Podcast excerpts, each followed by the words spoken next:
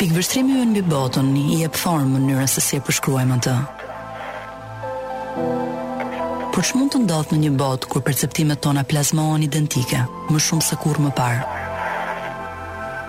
Po sikur bota jonë të jetë duke u shndërruar nga një realitet ngjarjesh dhe ndodhish në një realitet objektesh dhe sendesh të thjeshta. Atëherë, çdo gjë do të ishte fiks ashtu siç duket. Pa mister, pa nëntekst, pa mundësinë e një Deus ex machina.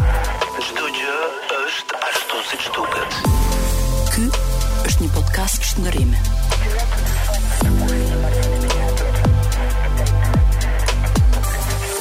Çdo gjë është ashtu siç duket. Mirëmbrëma, jemi në çdo gjë është ashtu siç duket. Unë jam Ana Shkreli dhe ky është podcasti im i përjavshëm. Ë uh, është duke ridëgjuar këtë intron, ë, uh, promon e e podcastit, Uh, unë kam thënë në një pjesë që ky është një podcast shndërrimi dhe në fakt sot do flasim për një temë që uh, bazohet pikërisht te procesi i shndërrimit, që është energjia. Ëm uh, pikërisht te shndërrimi dhe transformimi dhe te tejçimi dhe jo te krijimi i energjisë siç mund të mendohet. Por kjo është diçka me të cilën uh, do të përballemi e do flasim pastaj kur unë t'ju prezantoj dhe të ftuarin. Ndërkohë, një gjë tjetër që është interesante dhe që nuk e kishim në plan, po vendosëm ta ta vinim është që kur po bëheshim gati për të hyrë tani në transmetim direkt, hap derën një gazetar dhe thotë, "Çfarë temë keni sot?" Ëm, um, edhe i them unë do flasim për energjinë sot. Edhe i ndriçoi fytyra, pastaj u kujtova unë i them, "Jo, nuk do flasim për uh, energjinë personale, pra për energjinë tonë, do flasim për energjinë, mm, për për resurse të ndryshme energjetike etj etj." Dhe aty pati një mini shtrëmbrim fytyrës. Sepse me sa duket, tema e energjisë dhe energjetikës dhe uh, të gjitha pasojave ose implikimeve të tjera që mund të krijojë, mbase mund të mos duket aq seksi saç mund të jenë tema të tjera që konsiderohen shumë herë më new age, po themi, siç është yoga, siç është energjia, meditimi etj etj. Megjithatë, ë uh, pa energjinë për të cilën do flasim sot, do kishte qenë shumë e vështirë që ju edhe qoftë ta dëgjoni këtë podcast. Kështu që um, për të bërë një hyrje të vogël uh, dhe të shpejtë përpara se unë prezantoj kë kam në studio. Do ju bëj një revizion të vogël të uh, fillimisht çfarë është ndryshimi klimatik dhe si ndërlidhet ai me çështjet e energjisë për të cilat do flasim sot, sepse për energjinë sot nuk do flasim dhe aq për atë që na duhet të paguajmë, sesa do flasim për mënyrën se si mund ta përdorim atë për të ndryshuar një të ardhme e cila duket e pasigurt. Uh, ndryshimi klimatik është ndryshimi afatgjatë në klimën e tokës dhe paternet e motit. U desh gati një shekull kërkimesh dhe të dhënash për të bindur shumicën dërrmuese të komunitetit shkencor se aktiviteti njerëzor mund të ndryshonte klimën e gjithë planetit tonë. Në vitet një mijë e tetëqind, eksperimentet që sugjeronin se dioksidi i karbonit i prodhuar nga njeriu dhe gazrat e tjerë mund të mblidheshin në atmosferë dhe izolonin tokën, hasën më shumë në kuriozitetin e njerëzve sesa realisht në shqetësimin e asaj që mund të shkaktonte. Nga fundi i viteve 50, shqyrtimet që iu bënë CO2-shit do të ofronin disa nga të dhënat e para për të vërtetuar teorinë e ngrohjes globale. Një bollëk të dhënash, së bashku me modelimin e klimës, do të tregonin jo vetëm se ngrohja globale ishte reale, por se ajo gjithashtu paraqiste një mori pasojash të rënda për të ardhmen e planetit. Në vitet 1820, matematikani dhe fizikanti francez Fourier propozoi që energjia që arrin planetin në formën e rrezeve të diellit duhet të balancohet nga energjia që kthehet në hapësirë, pasi sipërfaqet e nxehta lëshojnë rrezatim. Por një pjesë e kësaj energjie, arsyetoi ai, duhet të mbahet brenda atmosferës dhe të mos kthehet në hapësirë, duke e mbajtur tokën të ngrohtë. Ai propozoi që mbulesa e hollë e tokës me ajër, atmosfera e saj, vepron ashtu si do të vepronte një serë qelqi, që ndryshe njihet dhe si efekti serë, teorisë, teoria e efektit serë. Energjia hyn përmes mureve të xhamit, por më pas bllokohet brenda njësoj si sera e ngrohtë. E ashtuquajtur analogjia e efektit serë zuri vend dhe rreth 50 vjet më më vonë. Puna e Eunice Newton Foote ofroi njohuri të mëtejshme se si nxehtësia mund të përthithej në atmosferën e Tokës. Në vitet 1850, eksperimentet e Foote, duke përdorur cilindra xhami, treguan se efekti ngrohës i diellit ishte më i madh në ajrin e lagësht sa në ajrin e thatë. Dhe ajo zbuloi se shkalla më e lartë e ngrohjes ndodhi në një cilindër që përmbante dioksid karboni. Puna e saj parashikoi gjetjet e shkencëtarit irlandez John Tyndall. Tyndall gjithashtu eksploroi saktësisht se cilat lloje gazrash janë disa, janë diku deri në 6, më duket. Ë, kishin më shumë gjasa të luanin një rol në thithjen e dritës së diellit. Testet laboratorike në vitet 1860 treguan se gazi i qymyrit, që përmban CO2, metan dhe hidrokarbure të paqëndrueshme, ishte veçanërisht efektiv në thithjen e kësaj energjie. Ai përfundimisht demonstroi se vetëm CO2-shi vepronte si sfungjer në mënyrën se si mund të thithte gjatësi vale të shumta të dritës së diellit. Në vitin 1889 u krijua për herë të parë në Kombet e Bashkuara paneli ndërqeveritar për ndryshimet klimatike. Për të ofruar një pamje shkencore të ndryshimit klimatik dhe ndikimeve politike dhe ekonomike që mund të sjellë. Ndërsa ngrohja globale fitoi vlerë si një fenomen real, studiuesit nisën gjithmonë e më shumë duke hulumtuar degëzimet e saj. Në 1997 u miratua protokolli i Kyotos dhe pastaj pasoi dhe Konventa e Parisit, e cila pati si qëllimin e vet kryesor ta mbajë ngrohjen globale në në rrezen e 1.5 gradë Celsius dhe jo më shumë. Për të gjitha zhvillimet e tjera dhe për çfarë do të thotë për hyrje dalje nga konventa dhe për të gjitha risitë që po diskutohen sot në botë mbi se si mund të ulet pikërisht ky emetim i cili më pas çon dhe në atë që është klima, klima klim, kriza klimatike do të flasim me do ta zbulojmë Kthehemi pas pak. Jemi rikthyer. në Çdo gjë s'është ashtu si duket, po flisnim për ndryshimet klimatike, po flisnim për konventën e Parisit, por uh, duke qenë që unë si karagjoze që jam, doja të bëja edhe një shaka në fillim, uh, ia hoqa kohën vetes për shpjeguar çik më shumë realisht çfarë lidhje ka tani ndërmjet uh, ndryshimeve klimatike dhe çështjeve të energjisë. Për këtë uh, kam ftuar në studio Kristi Katzadej. Katzadej që ka një emër shumë të bukur dhe shumë të veçantë, më kujton çik edhe një kështu, uh, një emër italian që është Casadei, po Kristi ka një histori komplet tjetër për për ardhjen e vet. Kristi mirë se vjen. Mirë se gjeta. Uh, për mua është shumë shumë kënaqësi të të kem studio. Kristi është inxhinier mekanik që tani po bën një master për en, uh, e, teknologji uh, energjitike, po themi në Universitetin e Cambridge-it në Angli. Gjithashtu, në gjykimin tim është edhe njeriu që mund ta bëj realisht shumë të prekshme dhe të kuptueshme, uh, të gjithë atë që po ndodh në botë, pra revolucionin e përdorimeve të burimeve të ndryshme të energjisë, uh, ta shpjegojë në një mënyrë të lehtë, të aksesueshme dhe pse jo ta bëjë çik më interesante, që rasti të gjë një gazetar të mos reagoja shumë për këtë yeah. temë. Kristi, uh, uh, të lutem, do më ndihmosh pak sepse unë nuk pata mundësi të shpjegoj realisht ku qëndron lidhja mes ndryshimeve të klimës dhe çështjeve të energjisë. Okej, okay, ja, që të që të flasim pse ndryshimet klimaterike janë të lidhura me energjinë, është në radhë parë mendoj që është e rëndësishme të bëj një intro të vogël çfarë është energjia, sepse po. përfsisht edhe gazetare që erdhi nuk dinë, është e vështirë të shpjegosh çfarë është energjia. Ka dhe ka ka dhe keqkuptime. Ka keqkuptime, mm. edhe edhe keqkuptimet vijnë nga mënyra si është shpjeguar, me thënë të drejtën. Do të mhm. thotë mënyra si si shpjegohet, unë e maj mend që e kam mësuar që 9-vjeçare në mënyrë të tillë, Është shumë praktik ky shpjegim, nuk është nuk është robust, por është praktik, është që energjia është aftësia e diçka për të bërë punë. Vazhdon të jetë teorike, okay. por po është aftësi për të bërë punë. Pra, në çastin që un marr të shishën e ujit e ngrej lart, un kam bërë punë, pra kam harxhuar energji. Tani, Konventa e Parisit që përmende, mm -hmm. 1.5 gradë, mm -hmm. metrikë shumë e rëndësishme sepse krahason nivelin e ndotjes së tanishme, është metrikë që krahason si Temperaturën e tokës tani me temperaturën e tokës para se të ekzistonte industrializmi. Pra mm -hmm. para se njeriu të kishte aftësinë për të bërë punë në mënyrë masive e të harxhonte sasi të pabesueshme energjie siç harxhojmë sot. Domethënë ne sot ka harxhojmë diku te 13 herë më shumë energji në rang global se ç'harxhonim para 100 vitesh. Mm -hmm. Kështu që kjo tregon që kjo si metrikë të tregon. Pra, Pse energjia është e rëndësishme? Pse lidhet me ngrohjen globale? Sepse neve kur harxhojmë energji, pra marrim naftë, e djegim në motor, nafta çliron CO2. Është krijohet efekti serë që ti shpjegoje. Po. po, për cilën ti ne folëm. Prandaj, arsyeja pse ekziston ngrohja globale është vetëm arsyeja pse ekziston, është sepse neve harxhojmë energji. Edhe neve burimet tona të energjisë, disa nga burimet tona të energjisë, jo të gjitha, më po po, po të ishin të gjitha i i bidum, po burimet tradicionale të energjisë. Po të ishin të gjitha nuk do e bënim këtë podcast. Po nuk do bënim fare podcast. Ë tradicionale të lidhur te hidrokarburet, te qymyri, gazrat etj etj, çlirojnë gazra serë. greenhouse gases, po. që shkaktojnë efektin serë, që shkaktojnë ngrohjen globale, që nuk duhet quajtur ngrohje globale, por climate change. Tashi ta themi këtë, pse nuk duhet quajtur ngrohja globale Kristi Katzadej? Pse nuk duhet quajtur ngrohja globale? Po, duhet quajtur ngrohja globale sepse kur u fill, kur u quajt ngrohja globale, njerëzit po thoshin, "Ok, po çfarë çfarë problemi ka? Po ngrohet edhe çik koha, sidomos në Kanada për shembull dëgjohej shumë ky argument nga njerëz që s'e dinin çfarë po ndodhte. Po.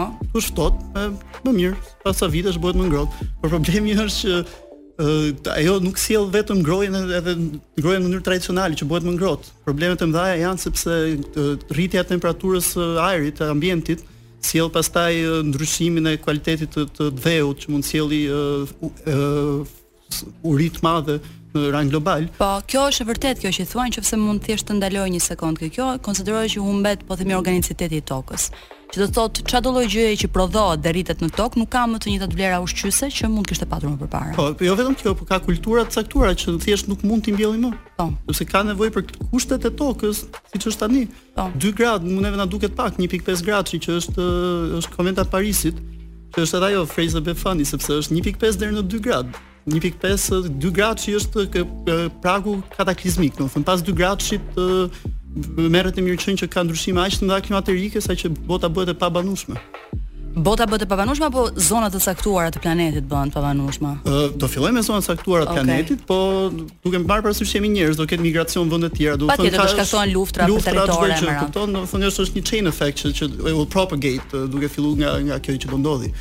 Po që ky do të edhe kjo është lufta, domethënë në çastin që ne flasim për climate change, mm -hmm. mos flasim domethënë nuk do të përdorim ngrohje globale, por për ndryshime klimatike, kjo është lufta. Këtë nga ana tjetër e peshorës është realiteti i hidhur i një bote të shkatërrume.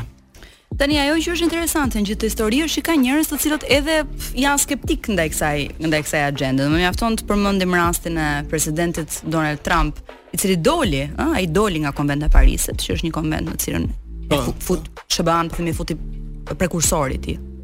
Barack Obama, sikurse unë kam dëgjuar dhe komente për shembull nga njerëz si tipi Spartak Ngjela që kam dëgjuar në televizor që thotë për shembull që ç'është kjo ngrohje globale thotë, ngrohje globale ka bota gjithmonë ngrohtë ka qenë, keni parë ndonjëherë tha statuja greke me pallto. Tani e unë kuptoj që e ka patur këtë e ka patur në kuadër shakaje, nuk diskutohet, s'e besoj se e ka pas seriozisht. Ë, megjithatë, gjithsesi ka një lloj skepticizmi që vazhdon ë qarkullon. Edhe kam idenë që më shumë ka të bëjë me me me frikën për të hum, për të humbur supremaci ekonomike apo jo. S'e di, domethënë unë mendoj që arsyeja kryesore pse ekziston është injoranca, jo jo jo frikë, domethënë është injoranca. Vazhdo jam po në podcast me Kristi ka të, të thashë në fillim, në fillim të tregova që unë kam një marrje goje që do të thotë për shembull, ëm um, kë-dë-në dhe të-rë-në nuk i them dot. Okej, okay? kështu që jam me Kristi ka zëde në emision. ë uh, dhe po bëjmë një podcast shumë interesant për ku ndërlidhen ë uh, problemet e ndryshimeve klimatike me çështjet e energjisë. Kështu që Kristi mirë se vjen sërish për njerëzit që na kanë kap tani në radio. Po flisnim për ç'është gjithë kjo valë e madhe njerëzish që mendon uh, se çështja e ndryshimit të klimës është një një budallëk i madh i shpikur nga radikalët e majtë ose nuk e di nga ja, nga grupe të secili ve fraksionin e kundërt të asaj që besojnë sigurisht gjithmonë patjetër po. janë gjithmonë ata ata të tjerët po ë uh, Tashi që për mu është injorancë, po nga ana tjetër, në qofë se nuk ke pak predispozitë analitike, domethënë, mendosh përtej asaj që ti shef, e kuptoj këtë lloj injorance sepse nuk është nga ato fenomene që ti nuk e prek, domethënë ti në qoftë se përplas makinën, e sheh e ndjen, është shumë shumë e prekshme për ty. Kjo është një fenomen që ti e prek, ndërsa fenomeni i ngrohjes globale është një fenomen që pasojat janë aq në sistem zgju aq aq globale dhe të shtrira në kohë. Të shtrira në kohë, sa që është shumë e vështirë që ti të t'ia alokosh pikërisht kësaj. Cilat janë disa nga pasojat Kris që mund të ndjejmë sot faktikisht që janë gjëra që janë aktualizuar? Ë uh, gjëra që janë aktualizuar për shembull zjarrat.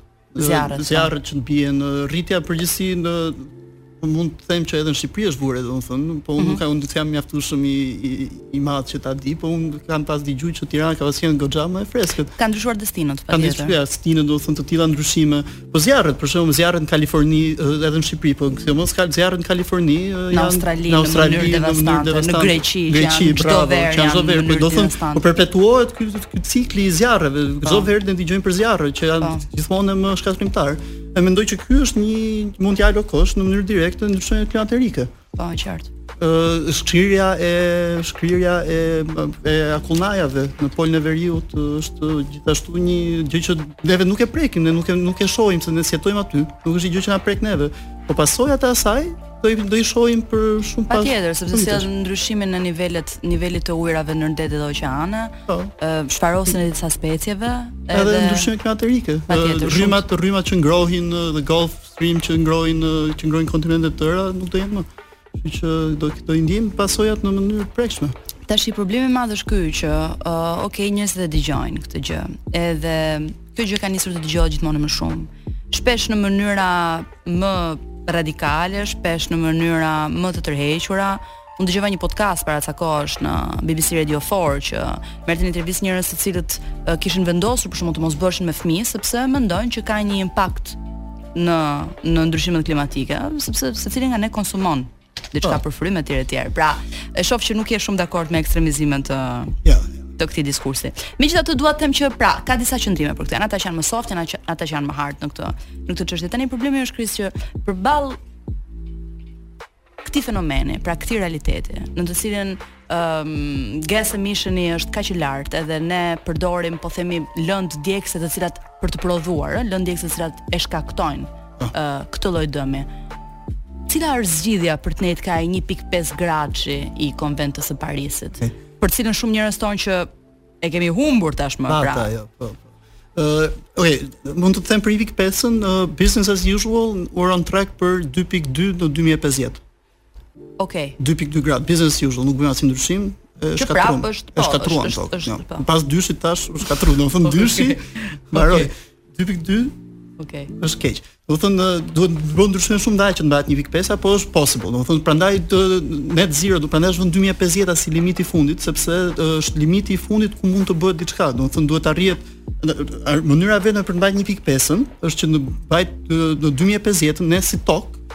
në në mënyrë globale të prodhojmë energji dhe të harxojmë energji pa e, pa emissions, pa lëshuar dioksid karboni. Që do të thotë?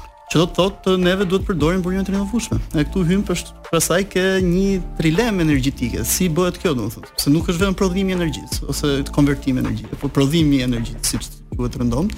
që neve duhet ta prodhojmë nga burime të rinovueshme, solar, energjia e erës, energjia e ujit, energjia e tokës, domethënë to janë burime të pashtershme dhe neve e konvertojmë këtë në elektricitet pa pa pa pa emituar CO2.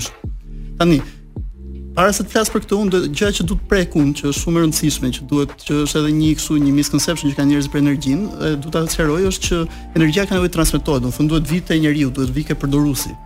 Edhe një ndër një ndër gjërat kryesore që duhet të ketë parasysh një njeri kur kur do të do të përpilojë një sistem energjetik të të ardhmes, është që duhet transmetohet në mënyrë të kollajshme dhe këtu hyn në lojë shyqyr Zotit elektriciteti. Domethënë okay. arsyeja pse neve kur mendojmë për energji, sidomos Shqipëria mendojmë për energji elektrike, është sepse është forma më e lehtë e përdorshme e energjisë. Domethënë neve elektricitetin dimë ta manipulojmë shumë kollaj, dimë ta transportojmë shumë kollaj dhe dimë ta prodhojmë fatmirësisht shumë kollaj. Domethënë neve nga energjinë e, e, e ujit e, e kthejmë në, në elektricitet dhe pastaj elektricitetin e përdorim për të bërë punë përdorim për gjëra të tjera. Pra elektriciteti është vektori i energjisë që neve zgjedhim dhe do jetë vektori i energjisë për të ardhmen. edhe shyqyr që ekziston, domethënë elektricitet, elektriciteti është është një mik joni në luftën kundër ngrohjes globale, në luftën drejt renewable energy sources. Pra, në të ardhmen sfida e parë drejt arritjes së një së një renewable future, domethënë mm -hmm. një të ardhme të, të qëndrueshme, po, po, është të elektrifikimi. Domethënë neve duhet të ikim, do të largohemi nga burimet tradicionale të energjisë, te djegja e naftës nëpër makina përdor makinës, domethënë mm -hmm. makinat elektrike. Problemi është në në, në industrializim më shumë apo jo? Po pra, ka probleme. Në prodhime industriale. Probleme këto këto i quhen hard to decarbonize. E di pse e them, e di pse them sepse për njerëzit për shembull që janë si për njerëzit si puna ime, të cilët mhm. ëm mm -hmm. um, nuk i njohin kaq në detaj këto çështje, ishte shkatërrimtare në momentin që mbas një viti në cilin e kaluam komplet në pauzë gjatë periudhës së Covidit. Okej, okay, nuk ikëm në asnjë vend, nuk morëm asnjë avion, nuk qarkulluam me makinë, nuk bëmë asnjë gjë dhe prapë rezultati që morëm ishte që nuk ishte i mjaftueshëm. Nuk është nuk është mjaftueshëm sepse nëse shef çfarë harxhon në vërtetë energji. Në shef, në qoftë se analizon çfarë harxhon energji, shef që ngrohja e shtëpive për shembull, neve ndejtëm në shtëpi. Ngrohja e shtëpive kur neve ishim në punë, pra ngrohja e ambientit harxhon diku ke 20 e ca për qind të tërë energjisë që harxhohet, harxhohet për ngrohje ftohje ambientesh. Pra, në botë, ne nuk po flasim për Shqipërinë, do ta anashkalojmë pak Shqipërinë sepse është ana Shqipëria është një anomali pozitive në këtë luftë që do të flasim besoj pak më vonë, por që Po dhe në parametrat e emisionit ishte relativisht Shumë më mirë sa vendet e tjera. Shumë më mirë sepse neve për të nuk e se këtë dua të them që neve shtëpitë i ngrohim me kondicioner. Që është mënyra më e mirë për të ngrohur shtëpinë. Po, që janë konsideruar primitive, po, po nga ana po, tjetër, tjetër janë domethënë të qëndrueshme. Në në UK edhe në BE jepen incentiva, subvencionohet nga shteti instalimi i kondicionerëve.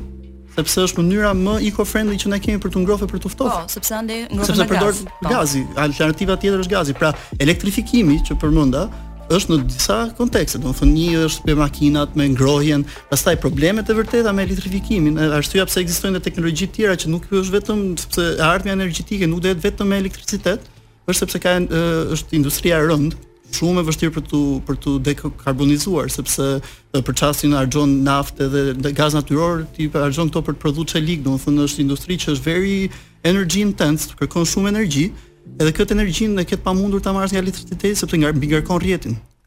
E qartë. Edhe është nuk nuk kemi rrjet të mjaftueshëm të fuqishëm. Pra nuk kemi nuk kemi një zhvillim të tillë teknologjik për ta mbajtur. Nuk e mbajmë dot, kështu që duhet për këto ka ka ka Ja. Ka zgjidhje alternative që mund të që mund të bëhen për këto industri të caktuara. Tash do jam me Kristin. Ëm um, Kristi nuk është tamam dive për të prezantuar me Ledri Vulën, megjithatë është okay. Ë uh, Kristi ishim duke fol për uh, prodhimin, siç i thuhet ndryshe pavarësisht se është gabim termi prodhim i energjisë, nuk është një term i saktë, po për mënyra të tjera përveç elektricitetit. Po, domethënë në luftën tonë për të arritur uh, një të ardhme të pa, të dekarbonizuar, mm -hmm. vektori uh, kryesor do jetë elektriciteti, pra pa. Po. të brandeve do jetë elektriciteti, po ngaqë ka industri afro pak më shumë mikrofon. Mm -hmm. Ngaqë ka industri që janë pak të vështira për t'u dekarbonizuar, sepse janë very energy intense, pa. Po. Uh, do ka edhe mënyra të tjera. Siç është për shembull industria e makinave apo jo? e prodhimit makinave. E prodhimit, jo e jo e makinave, e prodhimit, e prodhimit të makinave. Po. po. Ajo është industria e rëndë. Industria e rëndë përgjithësisht është e vështirë për t'u dekarbonizuar sepse kërkon shumë energji. Tani, ça mendohet për këto është që të ruhet status quo-ja, pra të përdoret akoma hidrokarbure, por CO dyshi që del nga kjo, që del nga djegja e hidrokarbureve, të thithet e të ruhet diku tjetër. Pra kjo teknologji quhet carbon capture and storage, janë teknologji relativisht, domethënë teoria është e vjetër, domethënë është një gjë që është teorizuar me kohë, po është arritur të bëhet realitet teknologjik vetëm vitet e fundit, edhe pse në kapacitete shumë të ulta, pra nuk është në kapacitete ë që mund të përdoret masivisht akoma. Përdoret shumë pak, në industri të caktuara, industri kimike përdoret, përdoret në fabri, fabrika të vogla.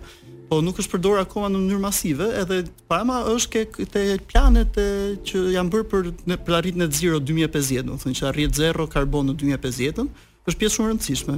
Edhe jo vetëm për shkak të këtyre teknologjive që janë hard to decarbonize, por edhe për sigurinë e rrjetit, sepse i gjë tjetër që duhet të them për elektricitetin, është që ka është problem shumë i madh në qoftë se neve flasim për energji të rinovueshme, flasim për faktin që janë intermittent, domethënë janë shumë sezonale, ka variacione sezonale, një ditë një ditë bie shi, një ditë del pra dielli. Pra kemi problem me storage.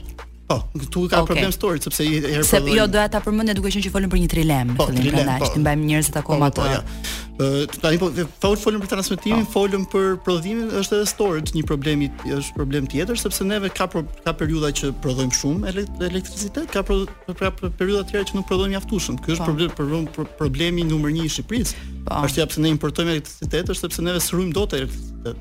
Që do thotë ne e shesim kur e kemi dhe pastaj kur na duhet nuk e kemi, kështu që na duhet ta blejmë. Edhe e blejmë me çmime të disfavorshme. Për fat keq na duhet na duhet shumë më shumë se prodhojmë nganjëherë, nga ana tjetër nuk prodhojmë mjaftueshëm përgjithësisht. Po kjo është ky problem, domethënë ky ciklik, ciklicizmi, si me thënë i, i renewable energies është problem ndërkombëtar. Edhe një zgjidhje për këtë është energy storage, pra ruajtja e energjisë, elektricitetit. Çfarë do të kërkonte ë uh, përmirësimi i kapaciteteve për ruajtjen e energjisë? Ë uh, do të kërkonte edhe nja 10 vjet të tjera research besoj sepse nuk në qoftë se dy problemet e para transmetimi edhe prodhimi i elektricitetit janë probleme që nga ana teknologjike janë të zgjidhura. Mm -hmm. Problemi aty është problem politik i investimit. Problemi në ruajtjen e energjisë është akoma problem teknik sepse ne nuk kemi materiale të mjaftueshme, domethënë në qoftë se bat zgjidhja numër 1 është bateritë. Jeni qartë. Që të bënim bateri gjigante sa qytete. Exactly. Domethënë nuk ne që nuk bëjmë dot bateri sa qytete, duhet gjejmë një mënyrë që të gjejmë materiale të tilla që të ruajmë sa më shumë energji në sa më pak volum.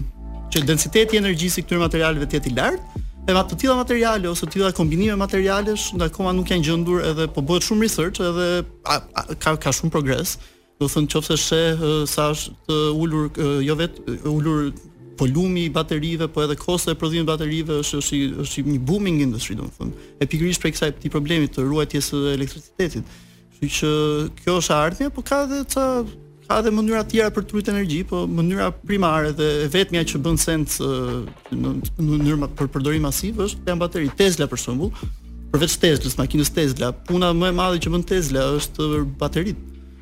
Tesla bën fusha të tëra me bateri që ruajnë që ka bërë plan që të ketë të mjaftueshëm energy storage për të mbajtur shtetin e Kalifornisë. Domethënë kjo është puna kryesore e wow. Teslas, është research për bateritë. Ai ka madje shet battery packs për shtëpi, që ti kur ke shtëpinë tënde mund të vesh panele diellore e ruan energjinë që prodhon kur nuk e përdor, sepse ti s'përdor tërë elektricitetin që që do prodhonte paneli diellor, e ruan edhe e përdor në një të ardhme kur të duhet. Shumë interesante. Jemi rikthyer në çdo gjë ashtu si duket, unë jam Ana Shkreli dhe të ftuar në të ftuar në program kam Kristi Katzaden. E thashë mirë. E the tani po. Okej. E tret. E treta e vërteta. Do kishte qenë shumë rëndë, do më kishe nxjerrë ti nga studio, po ta kisha thënë prapë gabim, po ju thashë kam unë kam një problem me formë të lehtë gagaçizmi. Gjithsesi, ë uh, Krist, po flisnim për uh, ndryshimet klimatike. Kemi folur deri tani për të bërë një recap. Kemi folur deri tani për uh, ndikimin që kanë forma të ndryshme të shndërrimit, përdorimit, të transmetimit të energjisë në të gjithë ato që po i ndodhin planetit tonë. Kemi folur për burime të rinovueshme. Ë uh, tani çështja është një. To the core, me pak fjalë, mbasi të dëgjova. Synimin e dimë. Synimi është që të qëndrojmë 1.5 gradë Celsius. Ok, edhe hapat kryesorë, ë, për t'u ndërmarrë, pra gjërat me të cilat duhet merremi i kemi identifikuar. Po. Tani fakti është çfarë duhet bëjmë. Atëherë, çfarë duhet bëjmë është që duhet arrijmë këto hapa. Domethënë sfida kryesore që identifikoj duhet Në radhë të parë duhet thënë që nuk është dot diçka që e bëjmë dot individualisht. Pra duhen duhet ta bëjnë qeveritë. Ça do me thënë kjo, domethënë Un për vete ka njerëz që bëhen vegan, për shembull bëhen vegetarian për të mbrojtur ambientin. Uh, un s'kam asgjë kundër. Ka njerëz që bëjnë fëmijë për të mbrojtur ambientin. Po, për të mbrojtur ambientin, asgjë kundër. Po personalisht mendoj që Impakti që kanë këto sforco personale janë aq të pakta sa që në krahasim me atë që duhet ndodhë me vërtet, që duhet bëhet me vërtet, është është minuskule e papërfillshme. Ajo që duhet bërë me vërtet është që duhet të ketë një bashkëpunim global midis gjithë qeverive, që është arsyeja pse mblidhet COP26, u, u përfol shumë se pse mbajti fjalim dhe Rama, kryesisht COP26 që u bë në Glasgow në tetor vjet. Shumë e rëndësishme sepse uh, aty mblidhen gjithë vendet që kanë firmos traktatin e Parisit, konventën e Parisit, edhe mblidhen e flasin që ça do bëjmë neve tani, neve gjithë si si si, si, si glob, çfarë hapash do ndërmarrim, terma konkret, ça premtimesh do bëjnë këto vende për të arritur këtë objektiv të përbashkët që është mbajtja e temperaturës në 1.5 gradë. Edhe ça u vendos ke COP26 që për mua është arritje fenomenale, është që u, kjo Kina dhe India dhanë pledge që do heqin uh, qymyrin, që është padyshim ndotësi numër 1, domethënë neve po s'kishim përdor kaq shumë qymyr në historinë e njerëzimit, nuk do ishim në të tilla ujëra. Domethënë qymyri është ndotës i tmerrshëm sepse ka përqindjen më të lartë by far të të të, të çlirimit të CO2 metan e çdo gazi tjetër të dëmshëm për sasi energjie që prodhohet. nuk krahasohet fare as me hidrokarbure të tjera, gaz, naftë asnjë gjë tjetër. Që qymyri duhet zhdukur, po problemi është që vende si India, India sidomos, po edhe Kina janë vende që janë në zhvillim, që janë le të themi që janë ndotësit kryesorë. Janë ndotësit ndër më të mëdhenjtë. Po. Ndër më të mëdhenjtë Indonezia, gjithashtu domethënë janë ndotës shumë të mëdhenj, po janë vende në zhvillim, ti domethënë nuk mund të ndërpresësh se prandaj nisa në fillim fare që fola për energjinë, thashë që është aftësia jonë për të bërë punë. Pra këto vende kanë nevojë për punë, kanë nevojë për industri. E këto industri nuk e mbajnë dot pa përdorim kaq të madh energjie dhe nuk kanë nga e gjejnë tërë këtë energji, nëqoftëse nuk e sjellin nga burimet që kanë. Pra, qymyri, pra hidrokarburet. Kështu që për këto vende është shumë e vështirë dhe ato kanë arritur të gjejnë ca ca plane për shembull Kina është nuk dihet po Kina është vendi që prodhon më shumë energji solare në botë edhe vendi që prodhon më shumë energji nga uji në botë. Domethënë Kina ka filluar me vite për prej para shumë vitesh të fuste të inkorporonte elemente renewable në energy mix të vetin. Njëtën gjë po bën dhe India avash avash. Mund të madje këto po bëjnë projekte që të bëjnë fusha solare në Afrikë, e të marrin energji nga Afrika e ta sjellin ta përdorin elektricitetin nga Afrika ta marrin ta përdorin në vendet e tyre, kështu që po gjejnë po arrin të gjejnë zgjidhje rreth kësaj. Edhe tu dal, do të thotë, un kështu intrinsically ke kjo çfarë është që identifikoj problem tjetër që kanë energjitë e rinovueshme, është që kanë nevojë të kesh burime natyrore. Do të thotë, gjithë këto vende çfarë vuajnë ose Kina pse po pse arrin prodhon kaq shumë hydro energy sepse ka ujë. Po, ka lumenj pa fund. Ka lumenj pa fund, edhe bën, siç ka Shqipëria. Ne mos kishim lumenj, do ti e di. Por ndryshe për shembull nga Kosova dhe nga Serbia. Bravo, po. Këto janë vende për shembull Ballkani në përgjithësi, do të thotë Ballkani i qendrës shumë që ka problem shumë madh sepse nuk kanë nuk kanë resurset natyrore që kanë të tilla vende. Edhe këto përdorin të vetmen gjë që ka. Kosova për shembull ka do ketë një krizë energjetike të tmerrshme që ka filluar filloi që vjet, më fal, jo vjet, sivjet para ca muajsh. Filloi po që i dhuruam ne energji sa për të kaluar. Po, sa për të kaluar pushimet e vitit të ri. Po. Në pjesën e vitit të ri, sepse këto po përdorin vetëm kanë një termocentral të ndërtuar që në kohën e kur ishte në pushtimin serb, do të thotë mm -hmm. Kosova, i është ndërtuar Jugosllavia, po. Po, kohës Jugosllavia. është janë ndërtu dy termocentrale më duken në Kosovë dhe këto prodhojnë të elektricitetin e Kosovës, po nuk ka burime të tjera, kështu që për Kosovën që s'ka shumë lumenj që nuk ka nuk ka toka që të vejë panele diellore të mëdha, është problem do jetë problem shumë i madh energjia. Edhe kjo është një ndër downside që kanë renewables, që kanë energjitë e rinovueshme në përgjithësi është që duan resurse natyrore. Neve do të thotë vendet që janë më ndotëse shyqyr zoti janë dhe vende të mëdha, do të thotë që mund të kenë të tilla resurse natyrore, por vendet e tjera s'i kanë. Shqipëria i ka. Jemi me fat në këtë aspekt, do të thotë. Kemi aq shumë burime natyrore, 300 e ca ditë diell, është është është një benefit shumë i madh hidro kemi pa fund lumenj, kemi energji ujore shumë. Tani dihet për disa fusha që janë këto, um, po themi që quhen ndryshe ferma në thonjza eolike, ë, për të shfrytzuar pikërisht energjinë e erave që po po implementohen në po. rreth zonës së Fierit. turbina turbina me po, erë. Po, po, turbina me erë. Ato Neve mendoj një një për shembull një një që nuk është prekur shumë në Shqipëri, nuk e kam dëgjuar ndonjëherë të përmendet, është pse nuk i fusim në det. Në UK për shembull në Angli, gjysma e turbinave të erës janë në tokë, gjysma tjetër janë në det. Pra neve kemi bregdet shumë të madh, jo shumë të madh. Kemi relativisht një oh, jo, bregdet. Për, për, për sipërfaqen gjeografike që kemi linjën bregdetare kemi goxha shtrirë. Kemi goxha shtrirë linjën bregdetare, kështu që pse nuk e përdorim këtë linjë bregdetare neve për të për të vënë kështu uh, mullinj me erë dhe atë. Mullinj me turbina për, për, për të lindur Don Kishotë të vegjël. turbina me me erë që të prodhojnë elektricitet, kështu që janë kaq zgjidhje që nuk janë përmend, nuk janë dëgjuar as përmend si ide këtu, por mendoj që du, duhet mbajt në mendje domethënë. Po edhe Shqipëria ka nevojë sepse Shqipëria e përmendëm çfarë neve që siç ka problem importin e elektricitetit, ka edhe problem faktin që neve kurrë nuk prodhojmë aq sa duhet. Domethënë përveç dimrit që kemi shumë rreshje, neve përgjatë gati gjithë vitit tjetër. Në momentin e parë të thatësirës ngecim. Parë fare fat thatësira. Në çastin që mbarojnë resurset, kur mbarojnë shirat e mëdhenj, neve nuk kemi mjaftueshëm për të mbajtur konsumin e, e brendshëm. Pastaj imagjino faktin që edhe neve si Kina e India jemi vend që po zhvillohemi. Kështu që kërkesa jonë energjetike sa do vijë e do rritet, nuk do ketë kurrë ulje. Pra neve do për, për, do përballemi me me sfidë energjetike që kemi do kemi kërkesë në rritje, kapacitet që nuk po rritet me të njëjtin nivel, edhe do kemi rritjen e çmimeve të importit, do sa do vijë e do rritet çmimi i importit të energjisë nga vendet e tjera, sepse këto do mundohen të bëjnë energji sa më të rinovueshme që kanë zëra higher cost për çastin, e me kosto më të lartë. Patjetër. Kështu që kjo si sfidë energjetike. Do të thotë eventualisht do rriten edhe faturat në shtëpiat e gjithsecilit. Patjetër po. Kjo domethënë është dhe ajo që na pret. Çdo lloj produkti që do blihet, sepse s'diskutohet që është një shkop prodhim, kështu që padyshim do jetë një efekt domino. Kështu që problem se si do zgjidhet, Shqipëria ka një plan modest për për energji të rinovueshme pra të tërën, sepse kjo është që duhet duhet energji të rinovueshme. Neve uh, kemi një hec që nuk është përdor. Ëh. Më fal, tecin, teci i famshëm që me shumë probleme që nuk është përdor kurrë. Ajo nuk është zgjidhje për problem, nuk është, jo, është zgjidhje për problemin energjetik Shqipërisë, s'kemi mjaftushëm energji, por s'është zgjidhje e qëndrueshme, është sustainable. Nuk është sustainable, kështu që sustainable.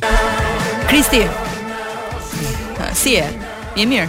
Okej. Okay. Uh, po flisnim për jemi u mbyllëm pak, pra në sensin kaluam pak nga rafshi global për uh, cilat janë nismat që janë ndërmarr për të uh, shkuar drejt rezurseve energjetike të cilat janë më të qëndrueshme. Ë uh, folëm pak për faktin që Ballkani në vetvete, sidomos Ballkani qendror është problematik.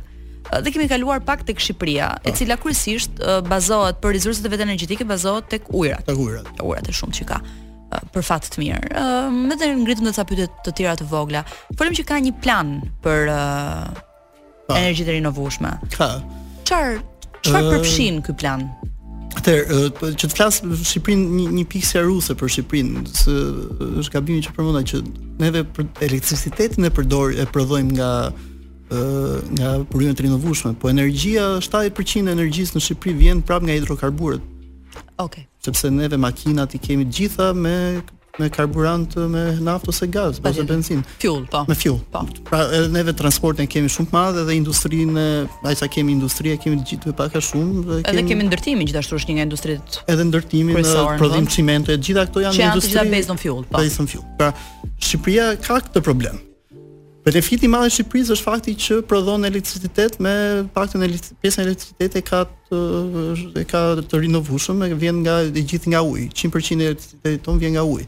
Tani plani që neve kemi për për uljen e për për t'u bërë më të rinovueshëm, që thashë që problemi neve prap 70% e kemi nga hidrokarburet është që këto hidrokarbure të përdorin bio hidrokarbure. Pra në vend të, të përdorin bio etanol. Çfarë do të thotë bio hidrokarbure?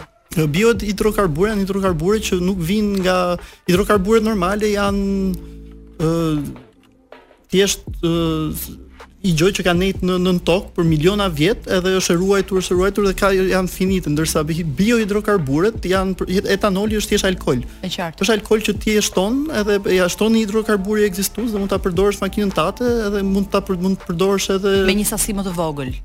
Mund deri 99% varet, do të thënë sa të pastër e bën ti etanolin, do të thënë ka disa biohidrokarbure. Pra plani kryesor në Shqipëri është ky. që është një gjë që edhe BE-ja është një gjë që ne e kemi marrë nga BE-ja. Po sepse ne duhet të themi dhe një gjë që jemi pjesë uh, e disa konventave, vetë procesi i hapjes uh, po, na uh, na bëri pjesë diskutimit të negociatave etj etj të bën pjesë automatikisht në disa konventa po, që janë. Po, BE neve për shkakun e kemi detyrim ligjor që 35% më duket e ka dhe Europa, 35% e karburanteve duhet të jetë bio, do të thotë duhet të jetë një pjesë që është e tillë. Edhe edhe plani kryesor i Shqipërisë është që të rritet. Tani lind pyetja që siç përmenda më parë, tërë bota po shkon drejt elektrifikimit. Pra unë mendoj që në një të ardhme, kjo nuk është sustainable sepse ti të prodhosh bioetanol, ke nevojë për ke nevojë për ose mbetje shtazore, ke nevojë për diçka një gjë biologjike që ta kthesh në, në, në një proces bëhet një proces industrial që ti e kthen në këtë në këtë gjë tjetër, bioetanolin. Pra këtë procesin neve nga nga ku do e gjejmë me me ça bimësh. Domethënë është një pikëpyetje e madhe që nuk ka një zgjidhje në Shqipëri. Kështu që një zgjidhje e mundshme duhet të jetë elektrifikimi, që nuk është një gjë që flitet shumë. Po, në, në Tiranë ka filluar ka ca pika taksit për shembull që janë bërë i taksis që janë bërë elektri, elektrike makina elektrike. Këto, ky, ky duhet të jetë drejtimi i së ardhmes. Po, futën edhe këto autobusët green të rinjtë. Po green autobusët. Të cilët green. Uh, u nisën për transport, po u kthyen në instalacion artistik në një moment. E po, dolën me ca probleme.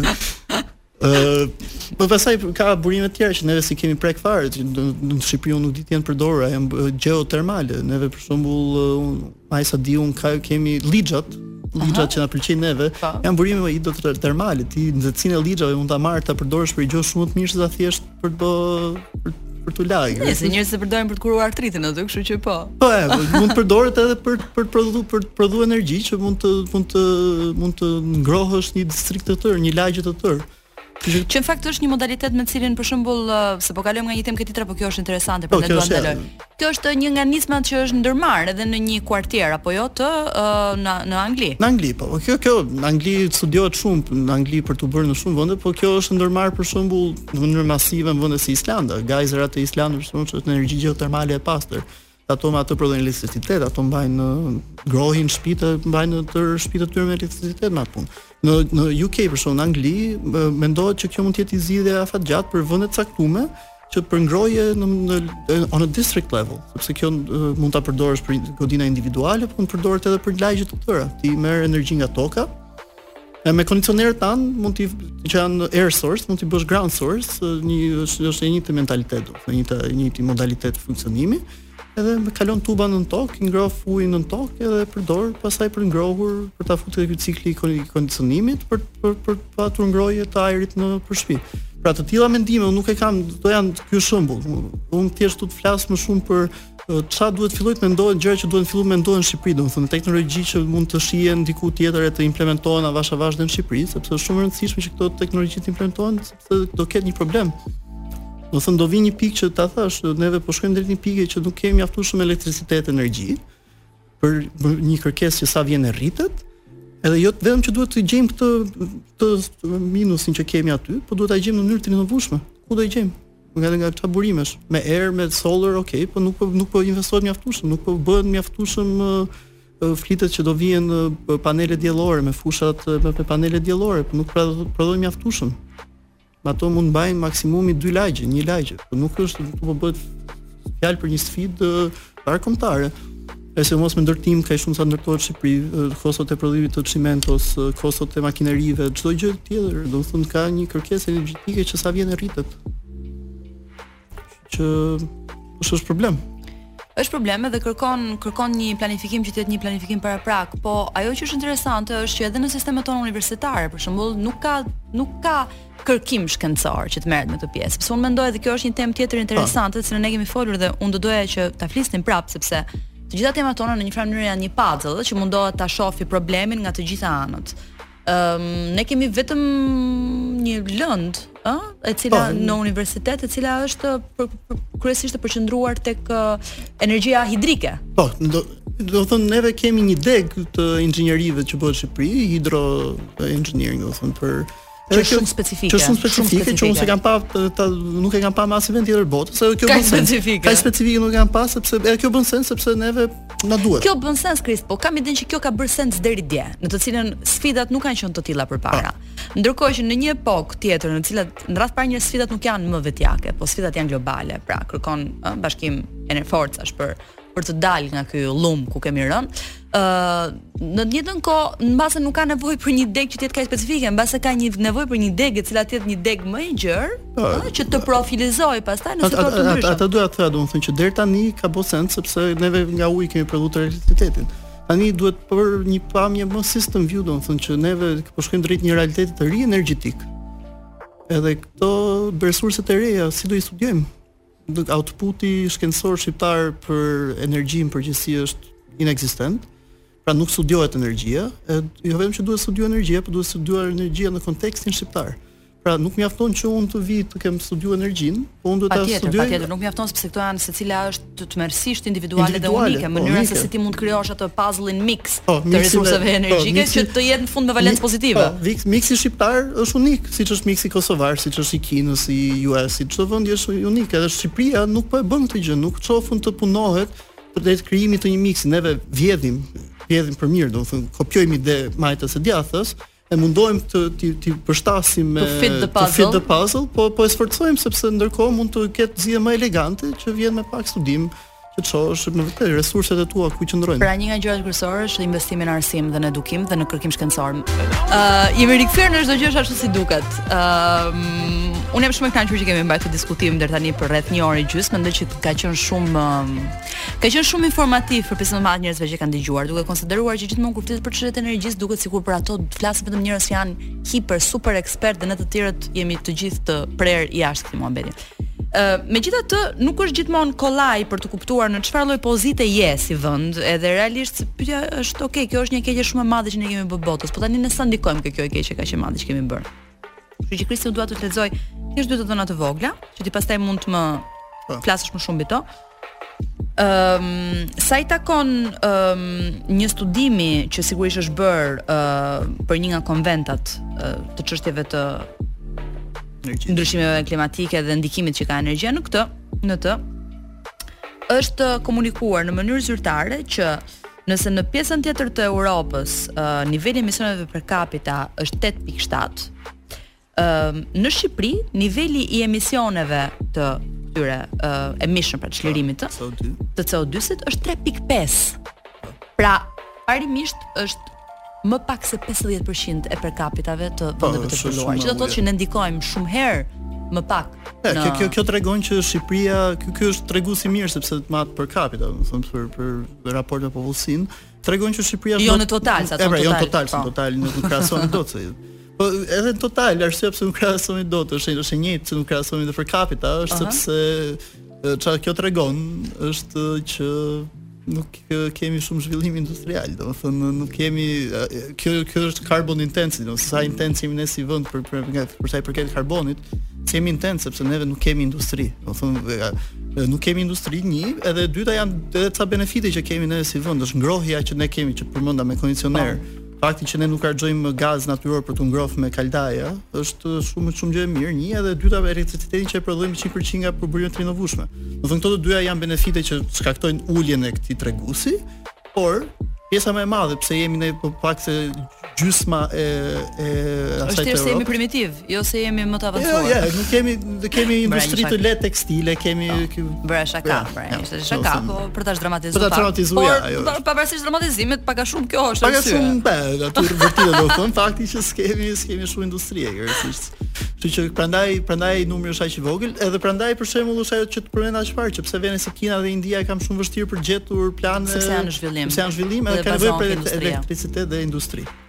industria do shumë elektricitet. E qartë. Kristi, ne folëm deri tani për shumë mënyra, të cilat janë mënyra zyrtare, folëm për mënyrën se si or, mund të duhet të orientohemi nga burime të rinovueshme, folëm për ajrin, për erën, folëm për të vendosur këto turbinat e erës në det, folëm për panelet diellore, folëm për faktin që Shqipëria ka uh, shumë ujëra, folëm për faktin që Shqipëria ka shumë ditë diell, Unë s'e kam kuptuar asnjëherë pse njerëzit nuk e vlerësojnë këtu ti mezi gjen një restorant hapur në Tiranë, domethënë janë të gjithë të futur nëpër kuvli. Kjo është tjetër diskutim për një tjetër herë. Ëm, um, megjithatë, megjithatë unë doja të dija, përveç këtyre që janë po themi mënyra të dinozaura, pra established tashmë që janë pranuara nga të gjithë. Në këto që janë zhvillimet më alternative, që janë mbase teknologji më të reja, çfarë po ndodh në nivel më avangard për për uh, zgjidhjet alternative ndaj uh, përpunimit të energjisë? Një një e përmenda që parë është kjo carbon capture and storage, domethënë ah. që ti dioksidin e karbonit që vjen ti mund të përdorësh gjithë mënyrat që kemi deri tani të vjetra të prodhimit të energjisë, po thjesht dioksidin e karbonit e merr dhe e ruan diku tjetër. futet nën tokë, është proces shumë interesant. Ti e pressurize, e fut nën tokë dhe e ruan me mund ta ruash me shekuj të tërë dioksidin e karbonit. Mm. Kjo është numër 1, po më duket shumë interesant. Po nuk emeton, nuk e nuk emeton nëpërmjet dheut? Jo, domethënë qoftë se gjen vende kështu formacione shkëmbore të duhura nëntokësore, mund ta ruash. Domethënë është është si vazo e Pandorës, domethënë ta fusësh të keqen brenda një një ene. Vetëm se del, vetëm se del shumë domethënë del, po do shekuj, edhe ti e, ti e shtyn i çik, domethënë. Dekën e shtyn. Jep jep jep i çik më shumë kohë vetes për për të bërë diçka do. Okej. Okay. Kjo është një e dyta një tjetër që më duket interesante edhe në Angli kjo është shumë e përfolur, domethënë, Anglia e ka pjesë të Anglia e ka këtë e ka pjesë të planit që ka për 2050-ën, domethënë për net zero 2050-ën është që hidrogjeni ato i quajnë si energy storage më shumë se sa prodhim energjie, domethënë çfarë bën është ti për ti përdor energji, elektricitet nëpërmjet elektrolizës për të prodhuar nga uji, prodhon hidrogjen. Uji është abundant, domethënë është është burim energjie endless nga njëra anë, sepse uji është gjithandej dhe është i pafundëm. për këtë for for this purpose, domethënë nga uji ti mund të prodhosh uh, hidrogjen. Çështja është që është shumë e vështirë që kjo të bëhet në në në në scale aq të madh masiv domethënë që të bëhet um, për tërë për tërë botën për tërë Anglinë. Po është një gjë që po po, po eksperimentohet edhe Anglia ke ka planifikuar që në 2050-ën diku ke 12% e energjisë që ato do përdorin të vijnë nga hidrogjeni. Kështu që për ata hidrogjeni është realitet serioz dhe ato po mendojnë që të retrofitin në sistemin e gazit që kanë, e ca nga bojlerat e gazit t'i retrofitin t'i përdorin me hidrogjen sepse hidrogjeni është shumë i ngjashëm me gazin në mënyrën që është është gaz, domethënë është një gjë që rrjedh E mund ta rrjedhësh nëpër tuba, mund ta çosh te shtëpitë e njerëzve, është ajo që thash para, transporti është shumë i rëndësishëm i energjisë si e transportojmë. E hidrogjeni e ka këtë benefit që është shumë i thjeshtë për t'u transportuar dhe mund të përdorësh sisteme që xha ekzistojnë, sistemet e gazit që ato kanë të instaluara. Është çështja ke prodhimi i hidrogjenit që pa është akoma pak sfidë teknologjike sepse është shumë energy intensive si proces, do shumë energji Edhe kjo energjia që përdoret për prodhu hidrogjenin, duhet vi nga burime të rinovushme, kështu që është gjithmonë një cikël vicioz që energjia që ti po përdor për për të prodhuar këtë hidrogjenin, duhet vi nga diku tjetër. Ky proces nuk është shumë eficient, ka eficiencë diku ke 40%, pra jo tërë energjinë që ti fut e ruan, po është një mënyrë e mirë për të marrë energji e për ta transportuar nëpërmjet hidrogjenit. Domethënë është është një proces nuk e sugjeroj për Shqipërinë, them drejtën. Kjo për Shqipërinë është pak shumë përtej scope të Shqipërisë, sepse ne nuk kemi sisteme gazi të vjetra që mund t'i retrofitim t'i përdorim po, për hidrogjen. Po, mendohet për për akses ndaj gazit në 2023-shën. Në Shqipëri. Po. Tas nuk mendoj, ok, mendoj që duhet të kish pas një sistem shumë përhap të gazit deri tani që ta për ta aplikuar. Për ta aplikuar këtë, domethënë kjo në Shqipëri nuk është, nuk është nuk është një realitet, por është një teknologji që në botë po po shihet shumë, domethënë me kërshëri të madhe. Janë, thash, bateritë janë një pjesë një pjesë tjetër që bëhet shumë shumë research, domethënë për material science, për shkenca, domethënë për gjet materiale për bateri sa më sa më resilient, sa më sa më të mëdhaja, domethënë sa më të vogla në masë, po të mëdhaja në në kapacitet të ruajtjes, domethënë. Kjo kjo ky është qëllimi i përgjithshëm, domethënë. Ja, ka, ka lloj-lloj domethënë, ka shumë... Ajo që unë uh, pak a shumë kuptova nga biseda jote me ty sot dhe nga të gjitha uh, sërenditjet që ti bëre, mm -hmm. um, edhe nga uh, gjërat që hulumtuam deri diku në detaj do të them, unë të paktën për njerëz si puna ime që nuk janë shumë të fushës do të thoja që është një gjë e detajuar. uh, është që ne nuk mund të flasim asnjëherë për një në radhë të parë nuk mund të flasim asnjëherë për një zgjidhje ideale. Ja. Në radhë të dytë nuk mund të flasim asnjëherë për një zgjidhje të plotë, që do të thotë, mua më duket sikur, mua më duket tani, se dhe unë u bëra, po në sensin nga biseda jonë, më duket sikur realisht e vetmja shpresë që ne mund të kemi është ta diversifikojmë sa më shumë të jetë e mundur në teknologji, në po. burime të rinovueshme, në sisteme avangardë të tjera të tjera që në fund, në fund ky miksi të jetë miksi fitues. A, duhet një miks? Pra jo të themi se ti the për shembull më parë, ë, po thoje që kjo duhet bërë, po jo nuk është në masa të mëdha sa të mbajë për shembull gjithë Britaninë e Madhe. Dakord. Nuk mban gjithë Britaninë e Madhe, por mban, një pjesë. Një pjesë, unë dukoj që një pjesë tjetër e pra duhet gjetur ai që është miksi inteligjent. Po, edhe prandaj them që në Shqipëri ngaqë ka pas fokus kaq të madh te uji ose te diçka tjetër deri në këtë pikë domethënë, gjetja e këtij miksit është akoma problemi më i madh që ka Shqipëria, meqë flas për Shqipërinë, por është problem ndërkombëtar ky, sepse edhe luftojnë për shembull ka lufta akademike për këtë punë, ka profesorë që e mbrojnë një gjë, një tjetër. Në 70, në 80 për shembull mendoheshe që ë problemet energjetike të botës do zgjidheshin sepse nga energjia nukleare. Sepse kjo, kjo më intereson shumë dhe do flasim pak pas edhe pse më intereson mua që s'kam lidhje parimisht me energjinë nukleare, po uh, ne do kalojmë çik Kloj. Uh, po, ok, mua më pëlqen Grimes dhe me këtë do lidhemi dhe me energjinë nukleare pastaj, kështu që keni këngën California me të cilën ju përshëndes në mënyrë shumë të veçantë se nga të gjitha këngët që janë dhënë deri tani është realisht ajo që më pëlqen më shumë. Shpresoj ta keni shijuar shumë këtë këngën e Grimes, sepse unë e kam shumë qejf edhe gjatë kohës që u uh, transmetua Kristi më tha, kjo tha, shumë cool, apo nuk e kuptoj çfarë do me atë për Elon Musk, ndërkohë që dhe ai është një personazh që ku di unë some people hate him, disa të tjerë jo, nga ana tjetër është novator. Po. I paparë. Domethënë. Është novator. Po. Është novator. Çfarë bën Tesla, është pa, më thuaj që është pa. Ka probleme aty si njeri, nuk pëlqen si njeri, po. S'pëlqen për për për bindje politike që ka. Po, bindje politike, egon e ka. Ah, po, egon e ka, megjithatë është duke bërë gjëra të papara, për shembull mora vesh një nga kompanitë e veta kryesore që ka ajo që hapka tunele me lazer. Po, po, ka tunele që duan vite për t'u bë ai i boka për 3 javë, domethënë. Është crazy, është edhe ai që ka kriju PayPal-in, pastaj ka ngritë, ka shitë, ka domethënë është një personazh multidimensional, është edhe njeriu që na ka lehtësuar aksesin për të ikur në hapësirë. Po. Nëpërmjet ripër, ripërdorimit të sistemeve. Tani po del, po del sikur jam super fanse e Elon Musk po, po fakt. Jo, nuk jam super fan, thjesht më pëlqen shumë Grimes, më pëlqen shumë edhe çudia, habia që ka.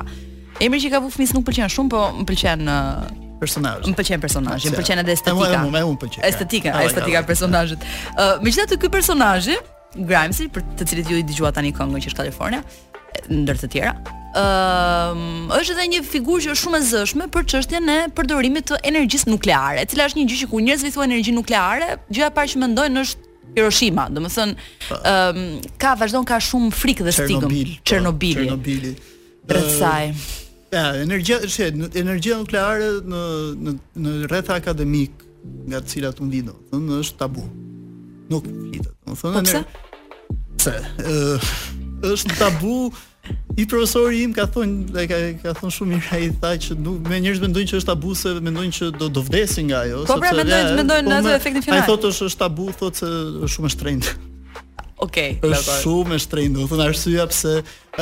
vende Anglia për shembull, është interesante Anglia në 2050-ën do ketë akoma energji nukleare. Nuk do e rrisi, nuk do e uli, por do e mbajë fiks aq sa ka. Ndërkohë që energjia nukleare ka çdo potencial për çdo çdo problem energjetik që ne kemi. Pse? Sepse është shumë e shtrenjtë të prodhohet. Domethënë është një reaktor i ri nuklear i ka kushtuar UK-t i ka kushtuar 16 miliard euro. Pound. Edhe do 10 vjet ndërtim planifikim. Pra ti investon 16 miliard pound edhe fitimin fillon e ke pas 12 vjetësh. Kështu që për një për një treg për një treg e, e, energjetik që është privat, është e tepërt edhe prandaj nuk funksionon dhe energjia nukleare. Do të dojë tregje të centralizuar energjetik që të ndodhi, sepse ka nevojë për investim nga ose subvencionim shumë shumë të madh nga qeveria që një investitori privat t'ia bëj worthwhile që të investojë në në një energji të tillë. Atë patjetër, po mund të gjenden sigurisht edhe modele mikse. Po një model çfarë po ndodh? Sidomos në momentin që ky është një problem i jonë i përbashkët, sepse ndryshimet klimatike nuk janë një problem që e ka vetëm kjo pjesë e globit dhe s'e ka ajo pjesë e globit. Po, po. Pra në një farë mënyrë mund të shkohet drejt një kolektivizimi në thonjza të tregut. Çfarë po bëhet? Po bëhet një kolektivizim teknologjik që për shembull po bëhen reaktor nuklear modular që janë shumë thjesht për tu instaluar, tu instaluar që mund të mund të instalohen në mënyrë të njëjtë në tërë botën, duke ulur në mënyrë të ndjeshme kostot e sepse kostoja e lartë e reaktorëve nuklearë sepse të gjithë janë ndryshe nga njëri tjetri, pra nuk ka një teknologji bazë që që përsëritet. Se sa më shumë përsëritet një teknologji, aq më shumë i bi vlera e investimit për ta për ta për ta ndërtu. Ndërsa me reaktorët nuklear kjo nuk ka ndodhur, e tani që po bëhen modular, janë më të thjesht për tu instalu, për tu çinstalu, për tu vënë nga një vend në një vend tjetër. Kështu që besoj se do bjerë kostoja edhe mund të futet më shumë në mikset energjetike të vendeve. Kjo ishte shumë interesante, shumë e bukur. Unë me siguri mbas uh, podcastit tonë sot do lexoj më shumë edhe për ëm um, për këtë zgjidhje që duket një zgjidhje e së ardhmes, dhe që nga ana tjetër tregon se si tani që problemi është uh,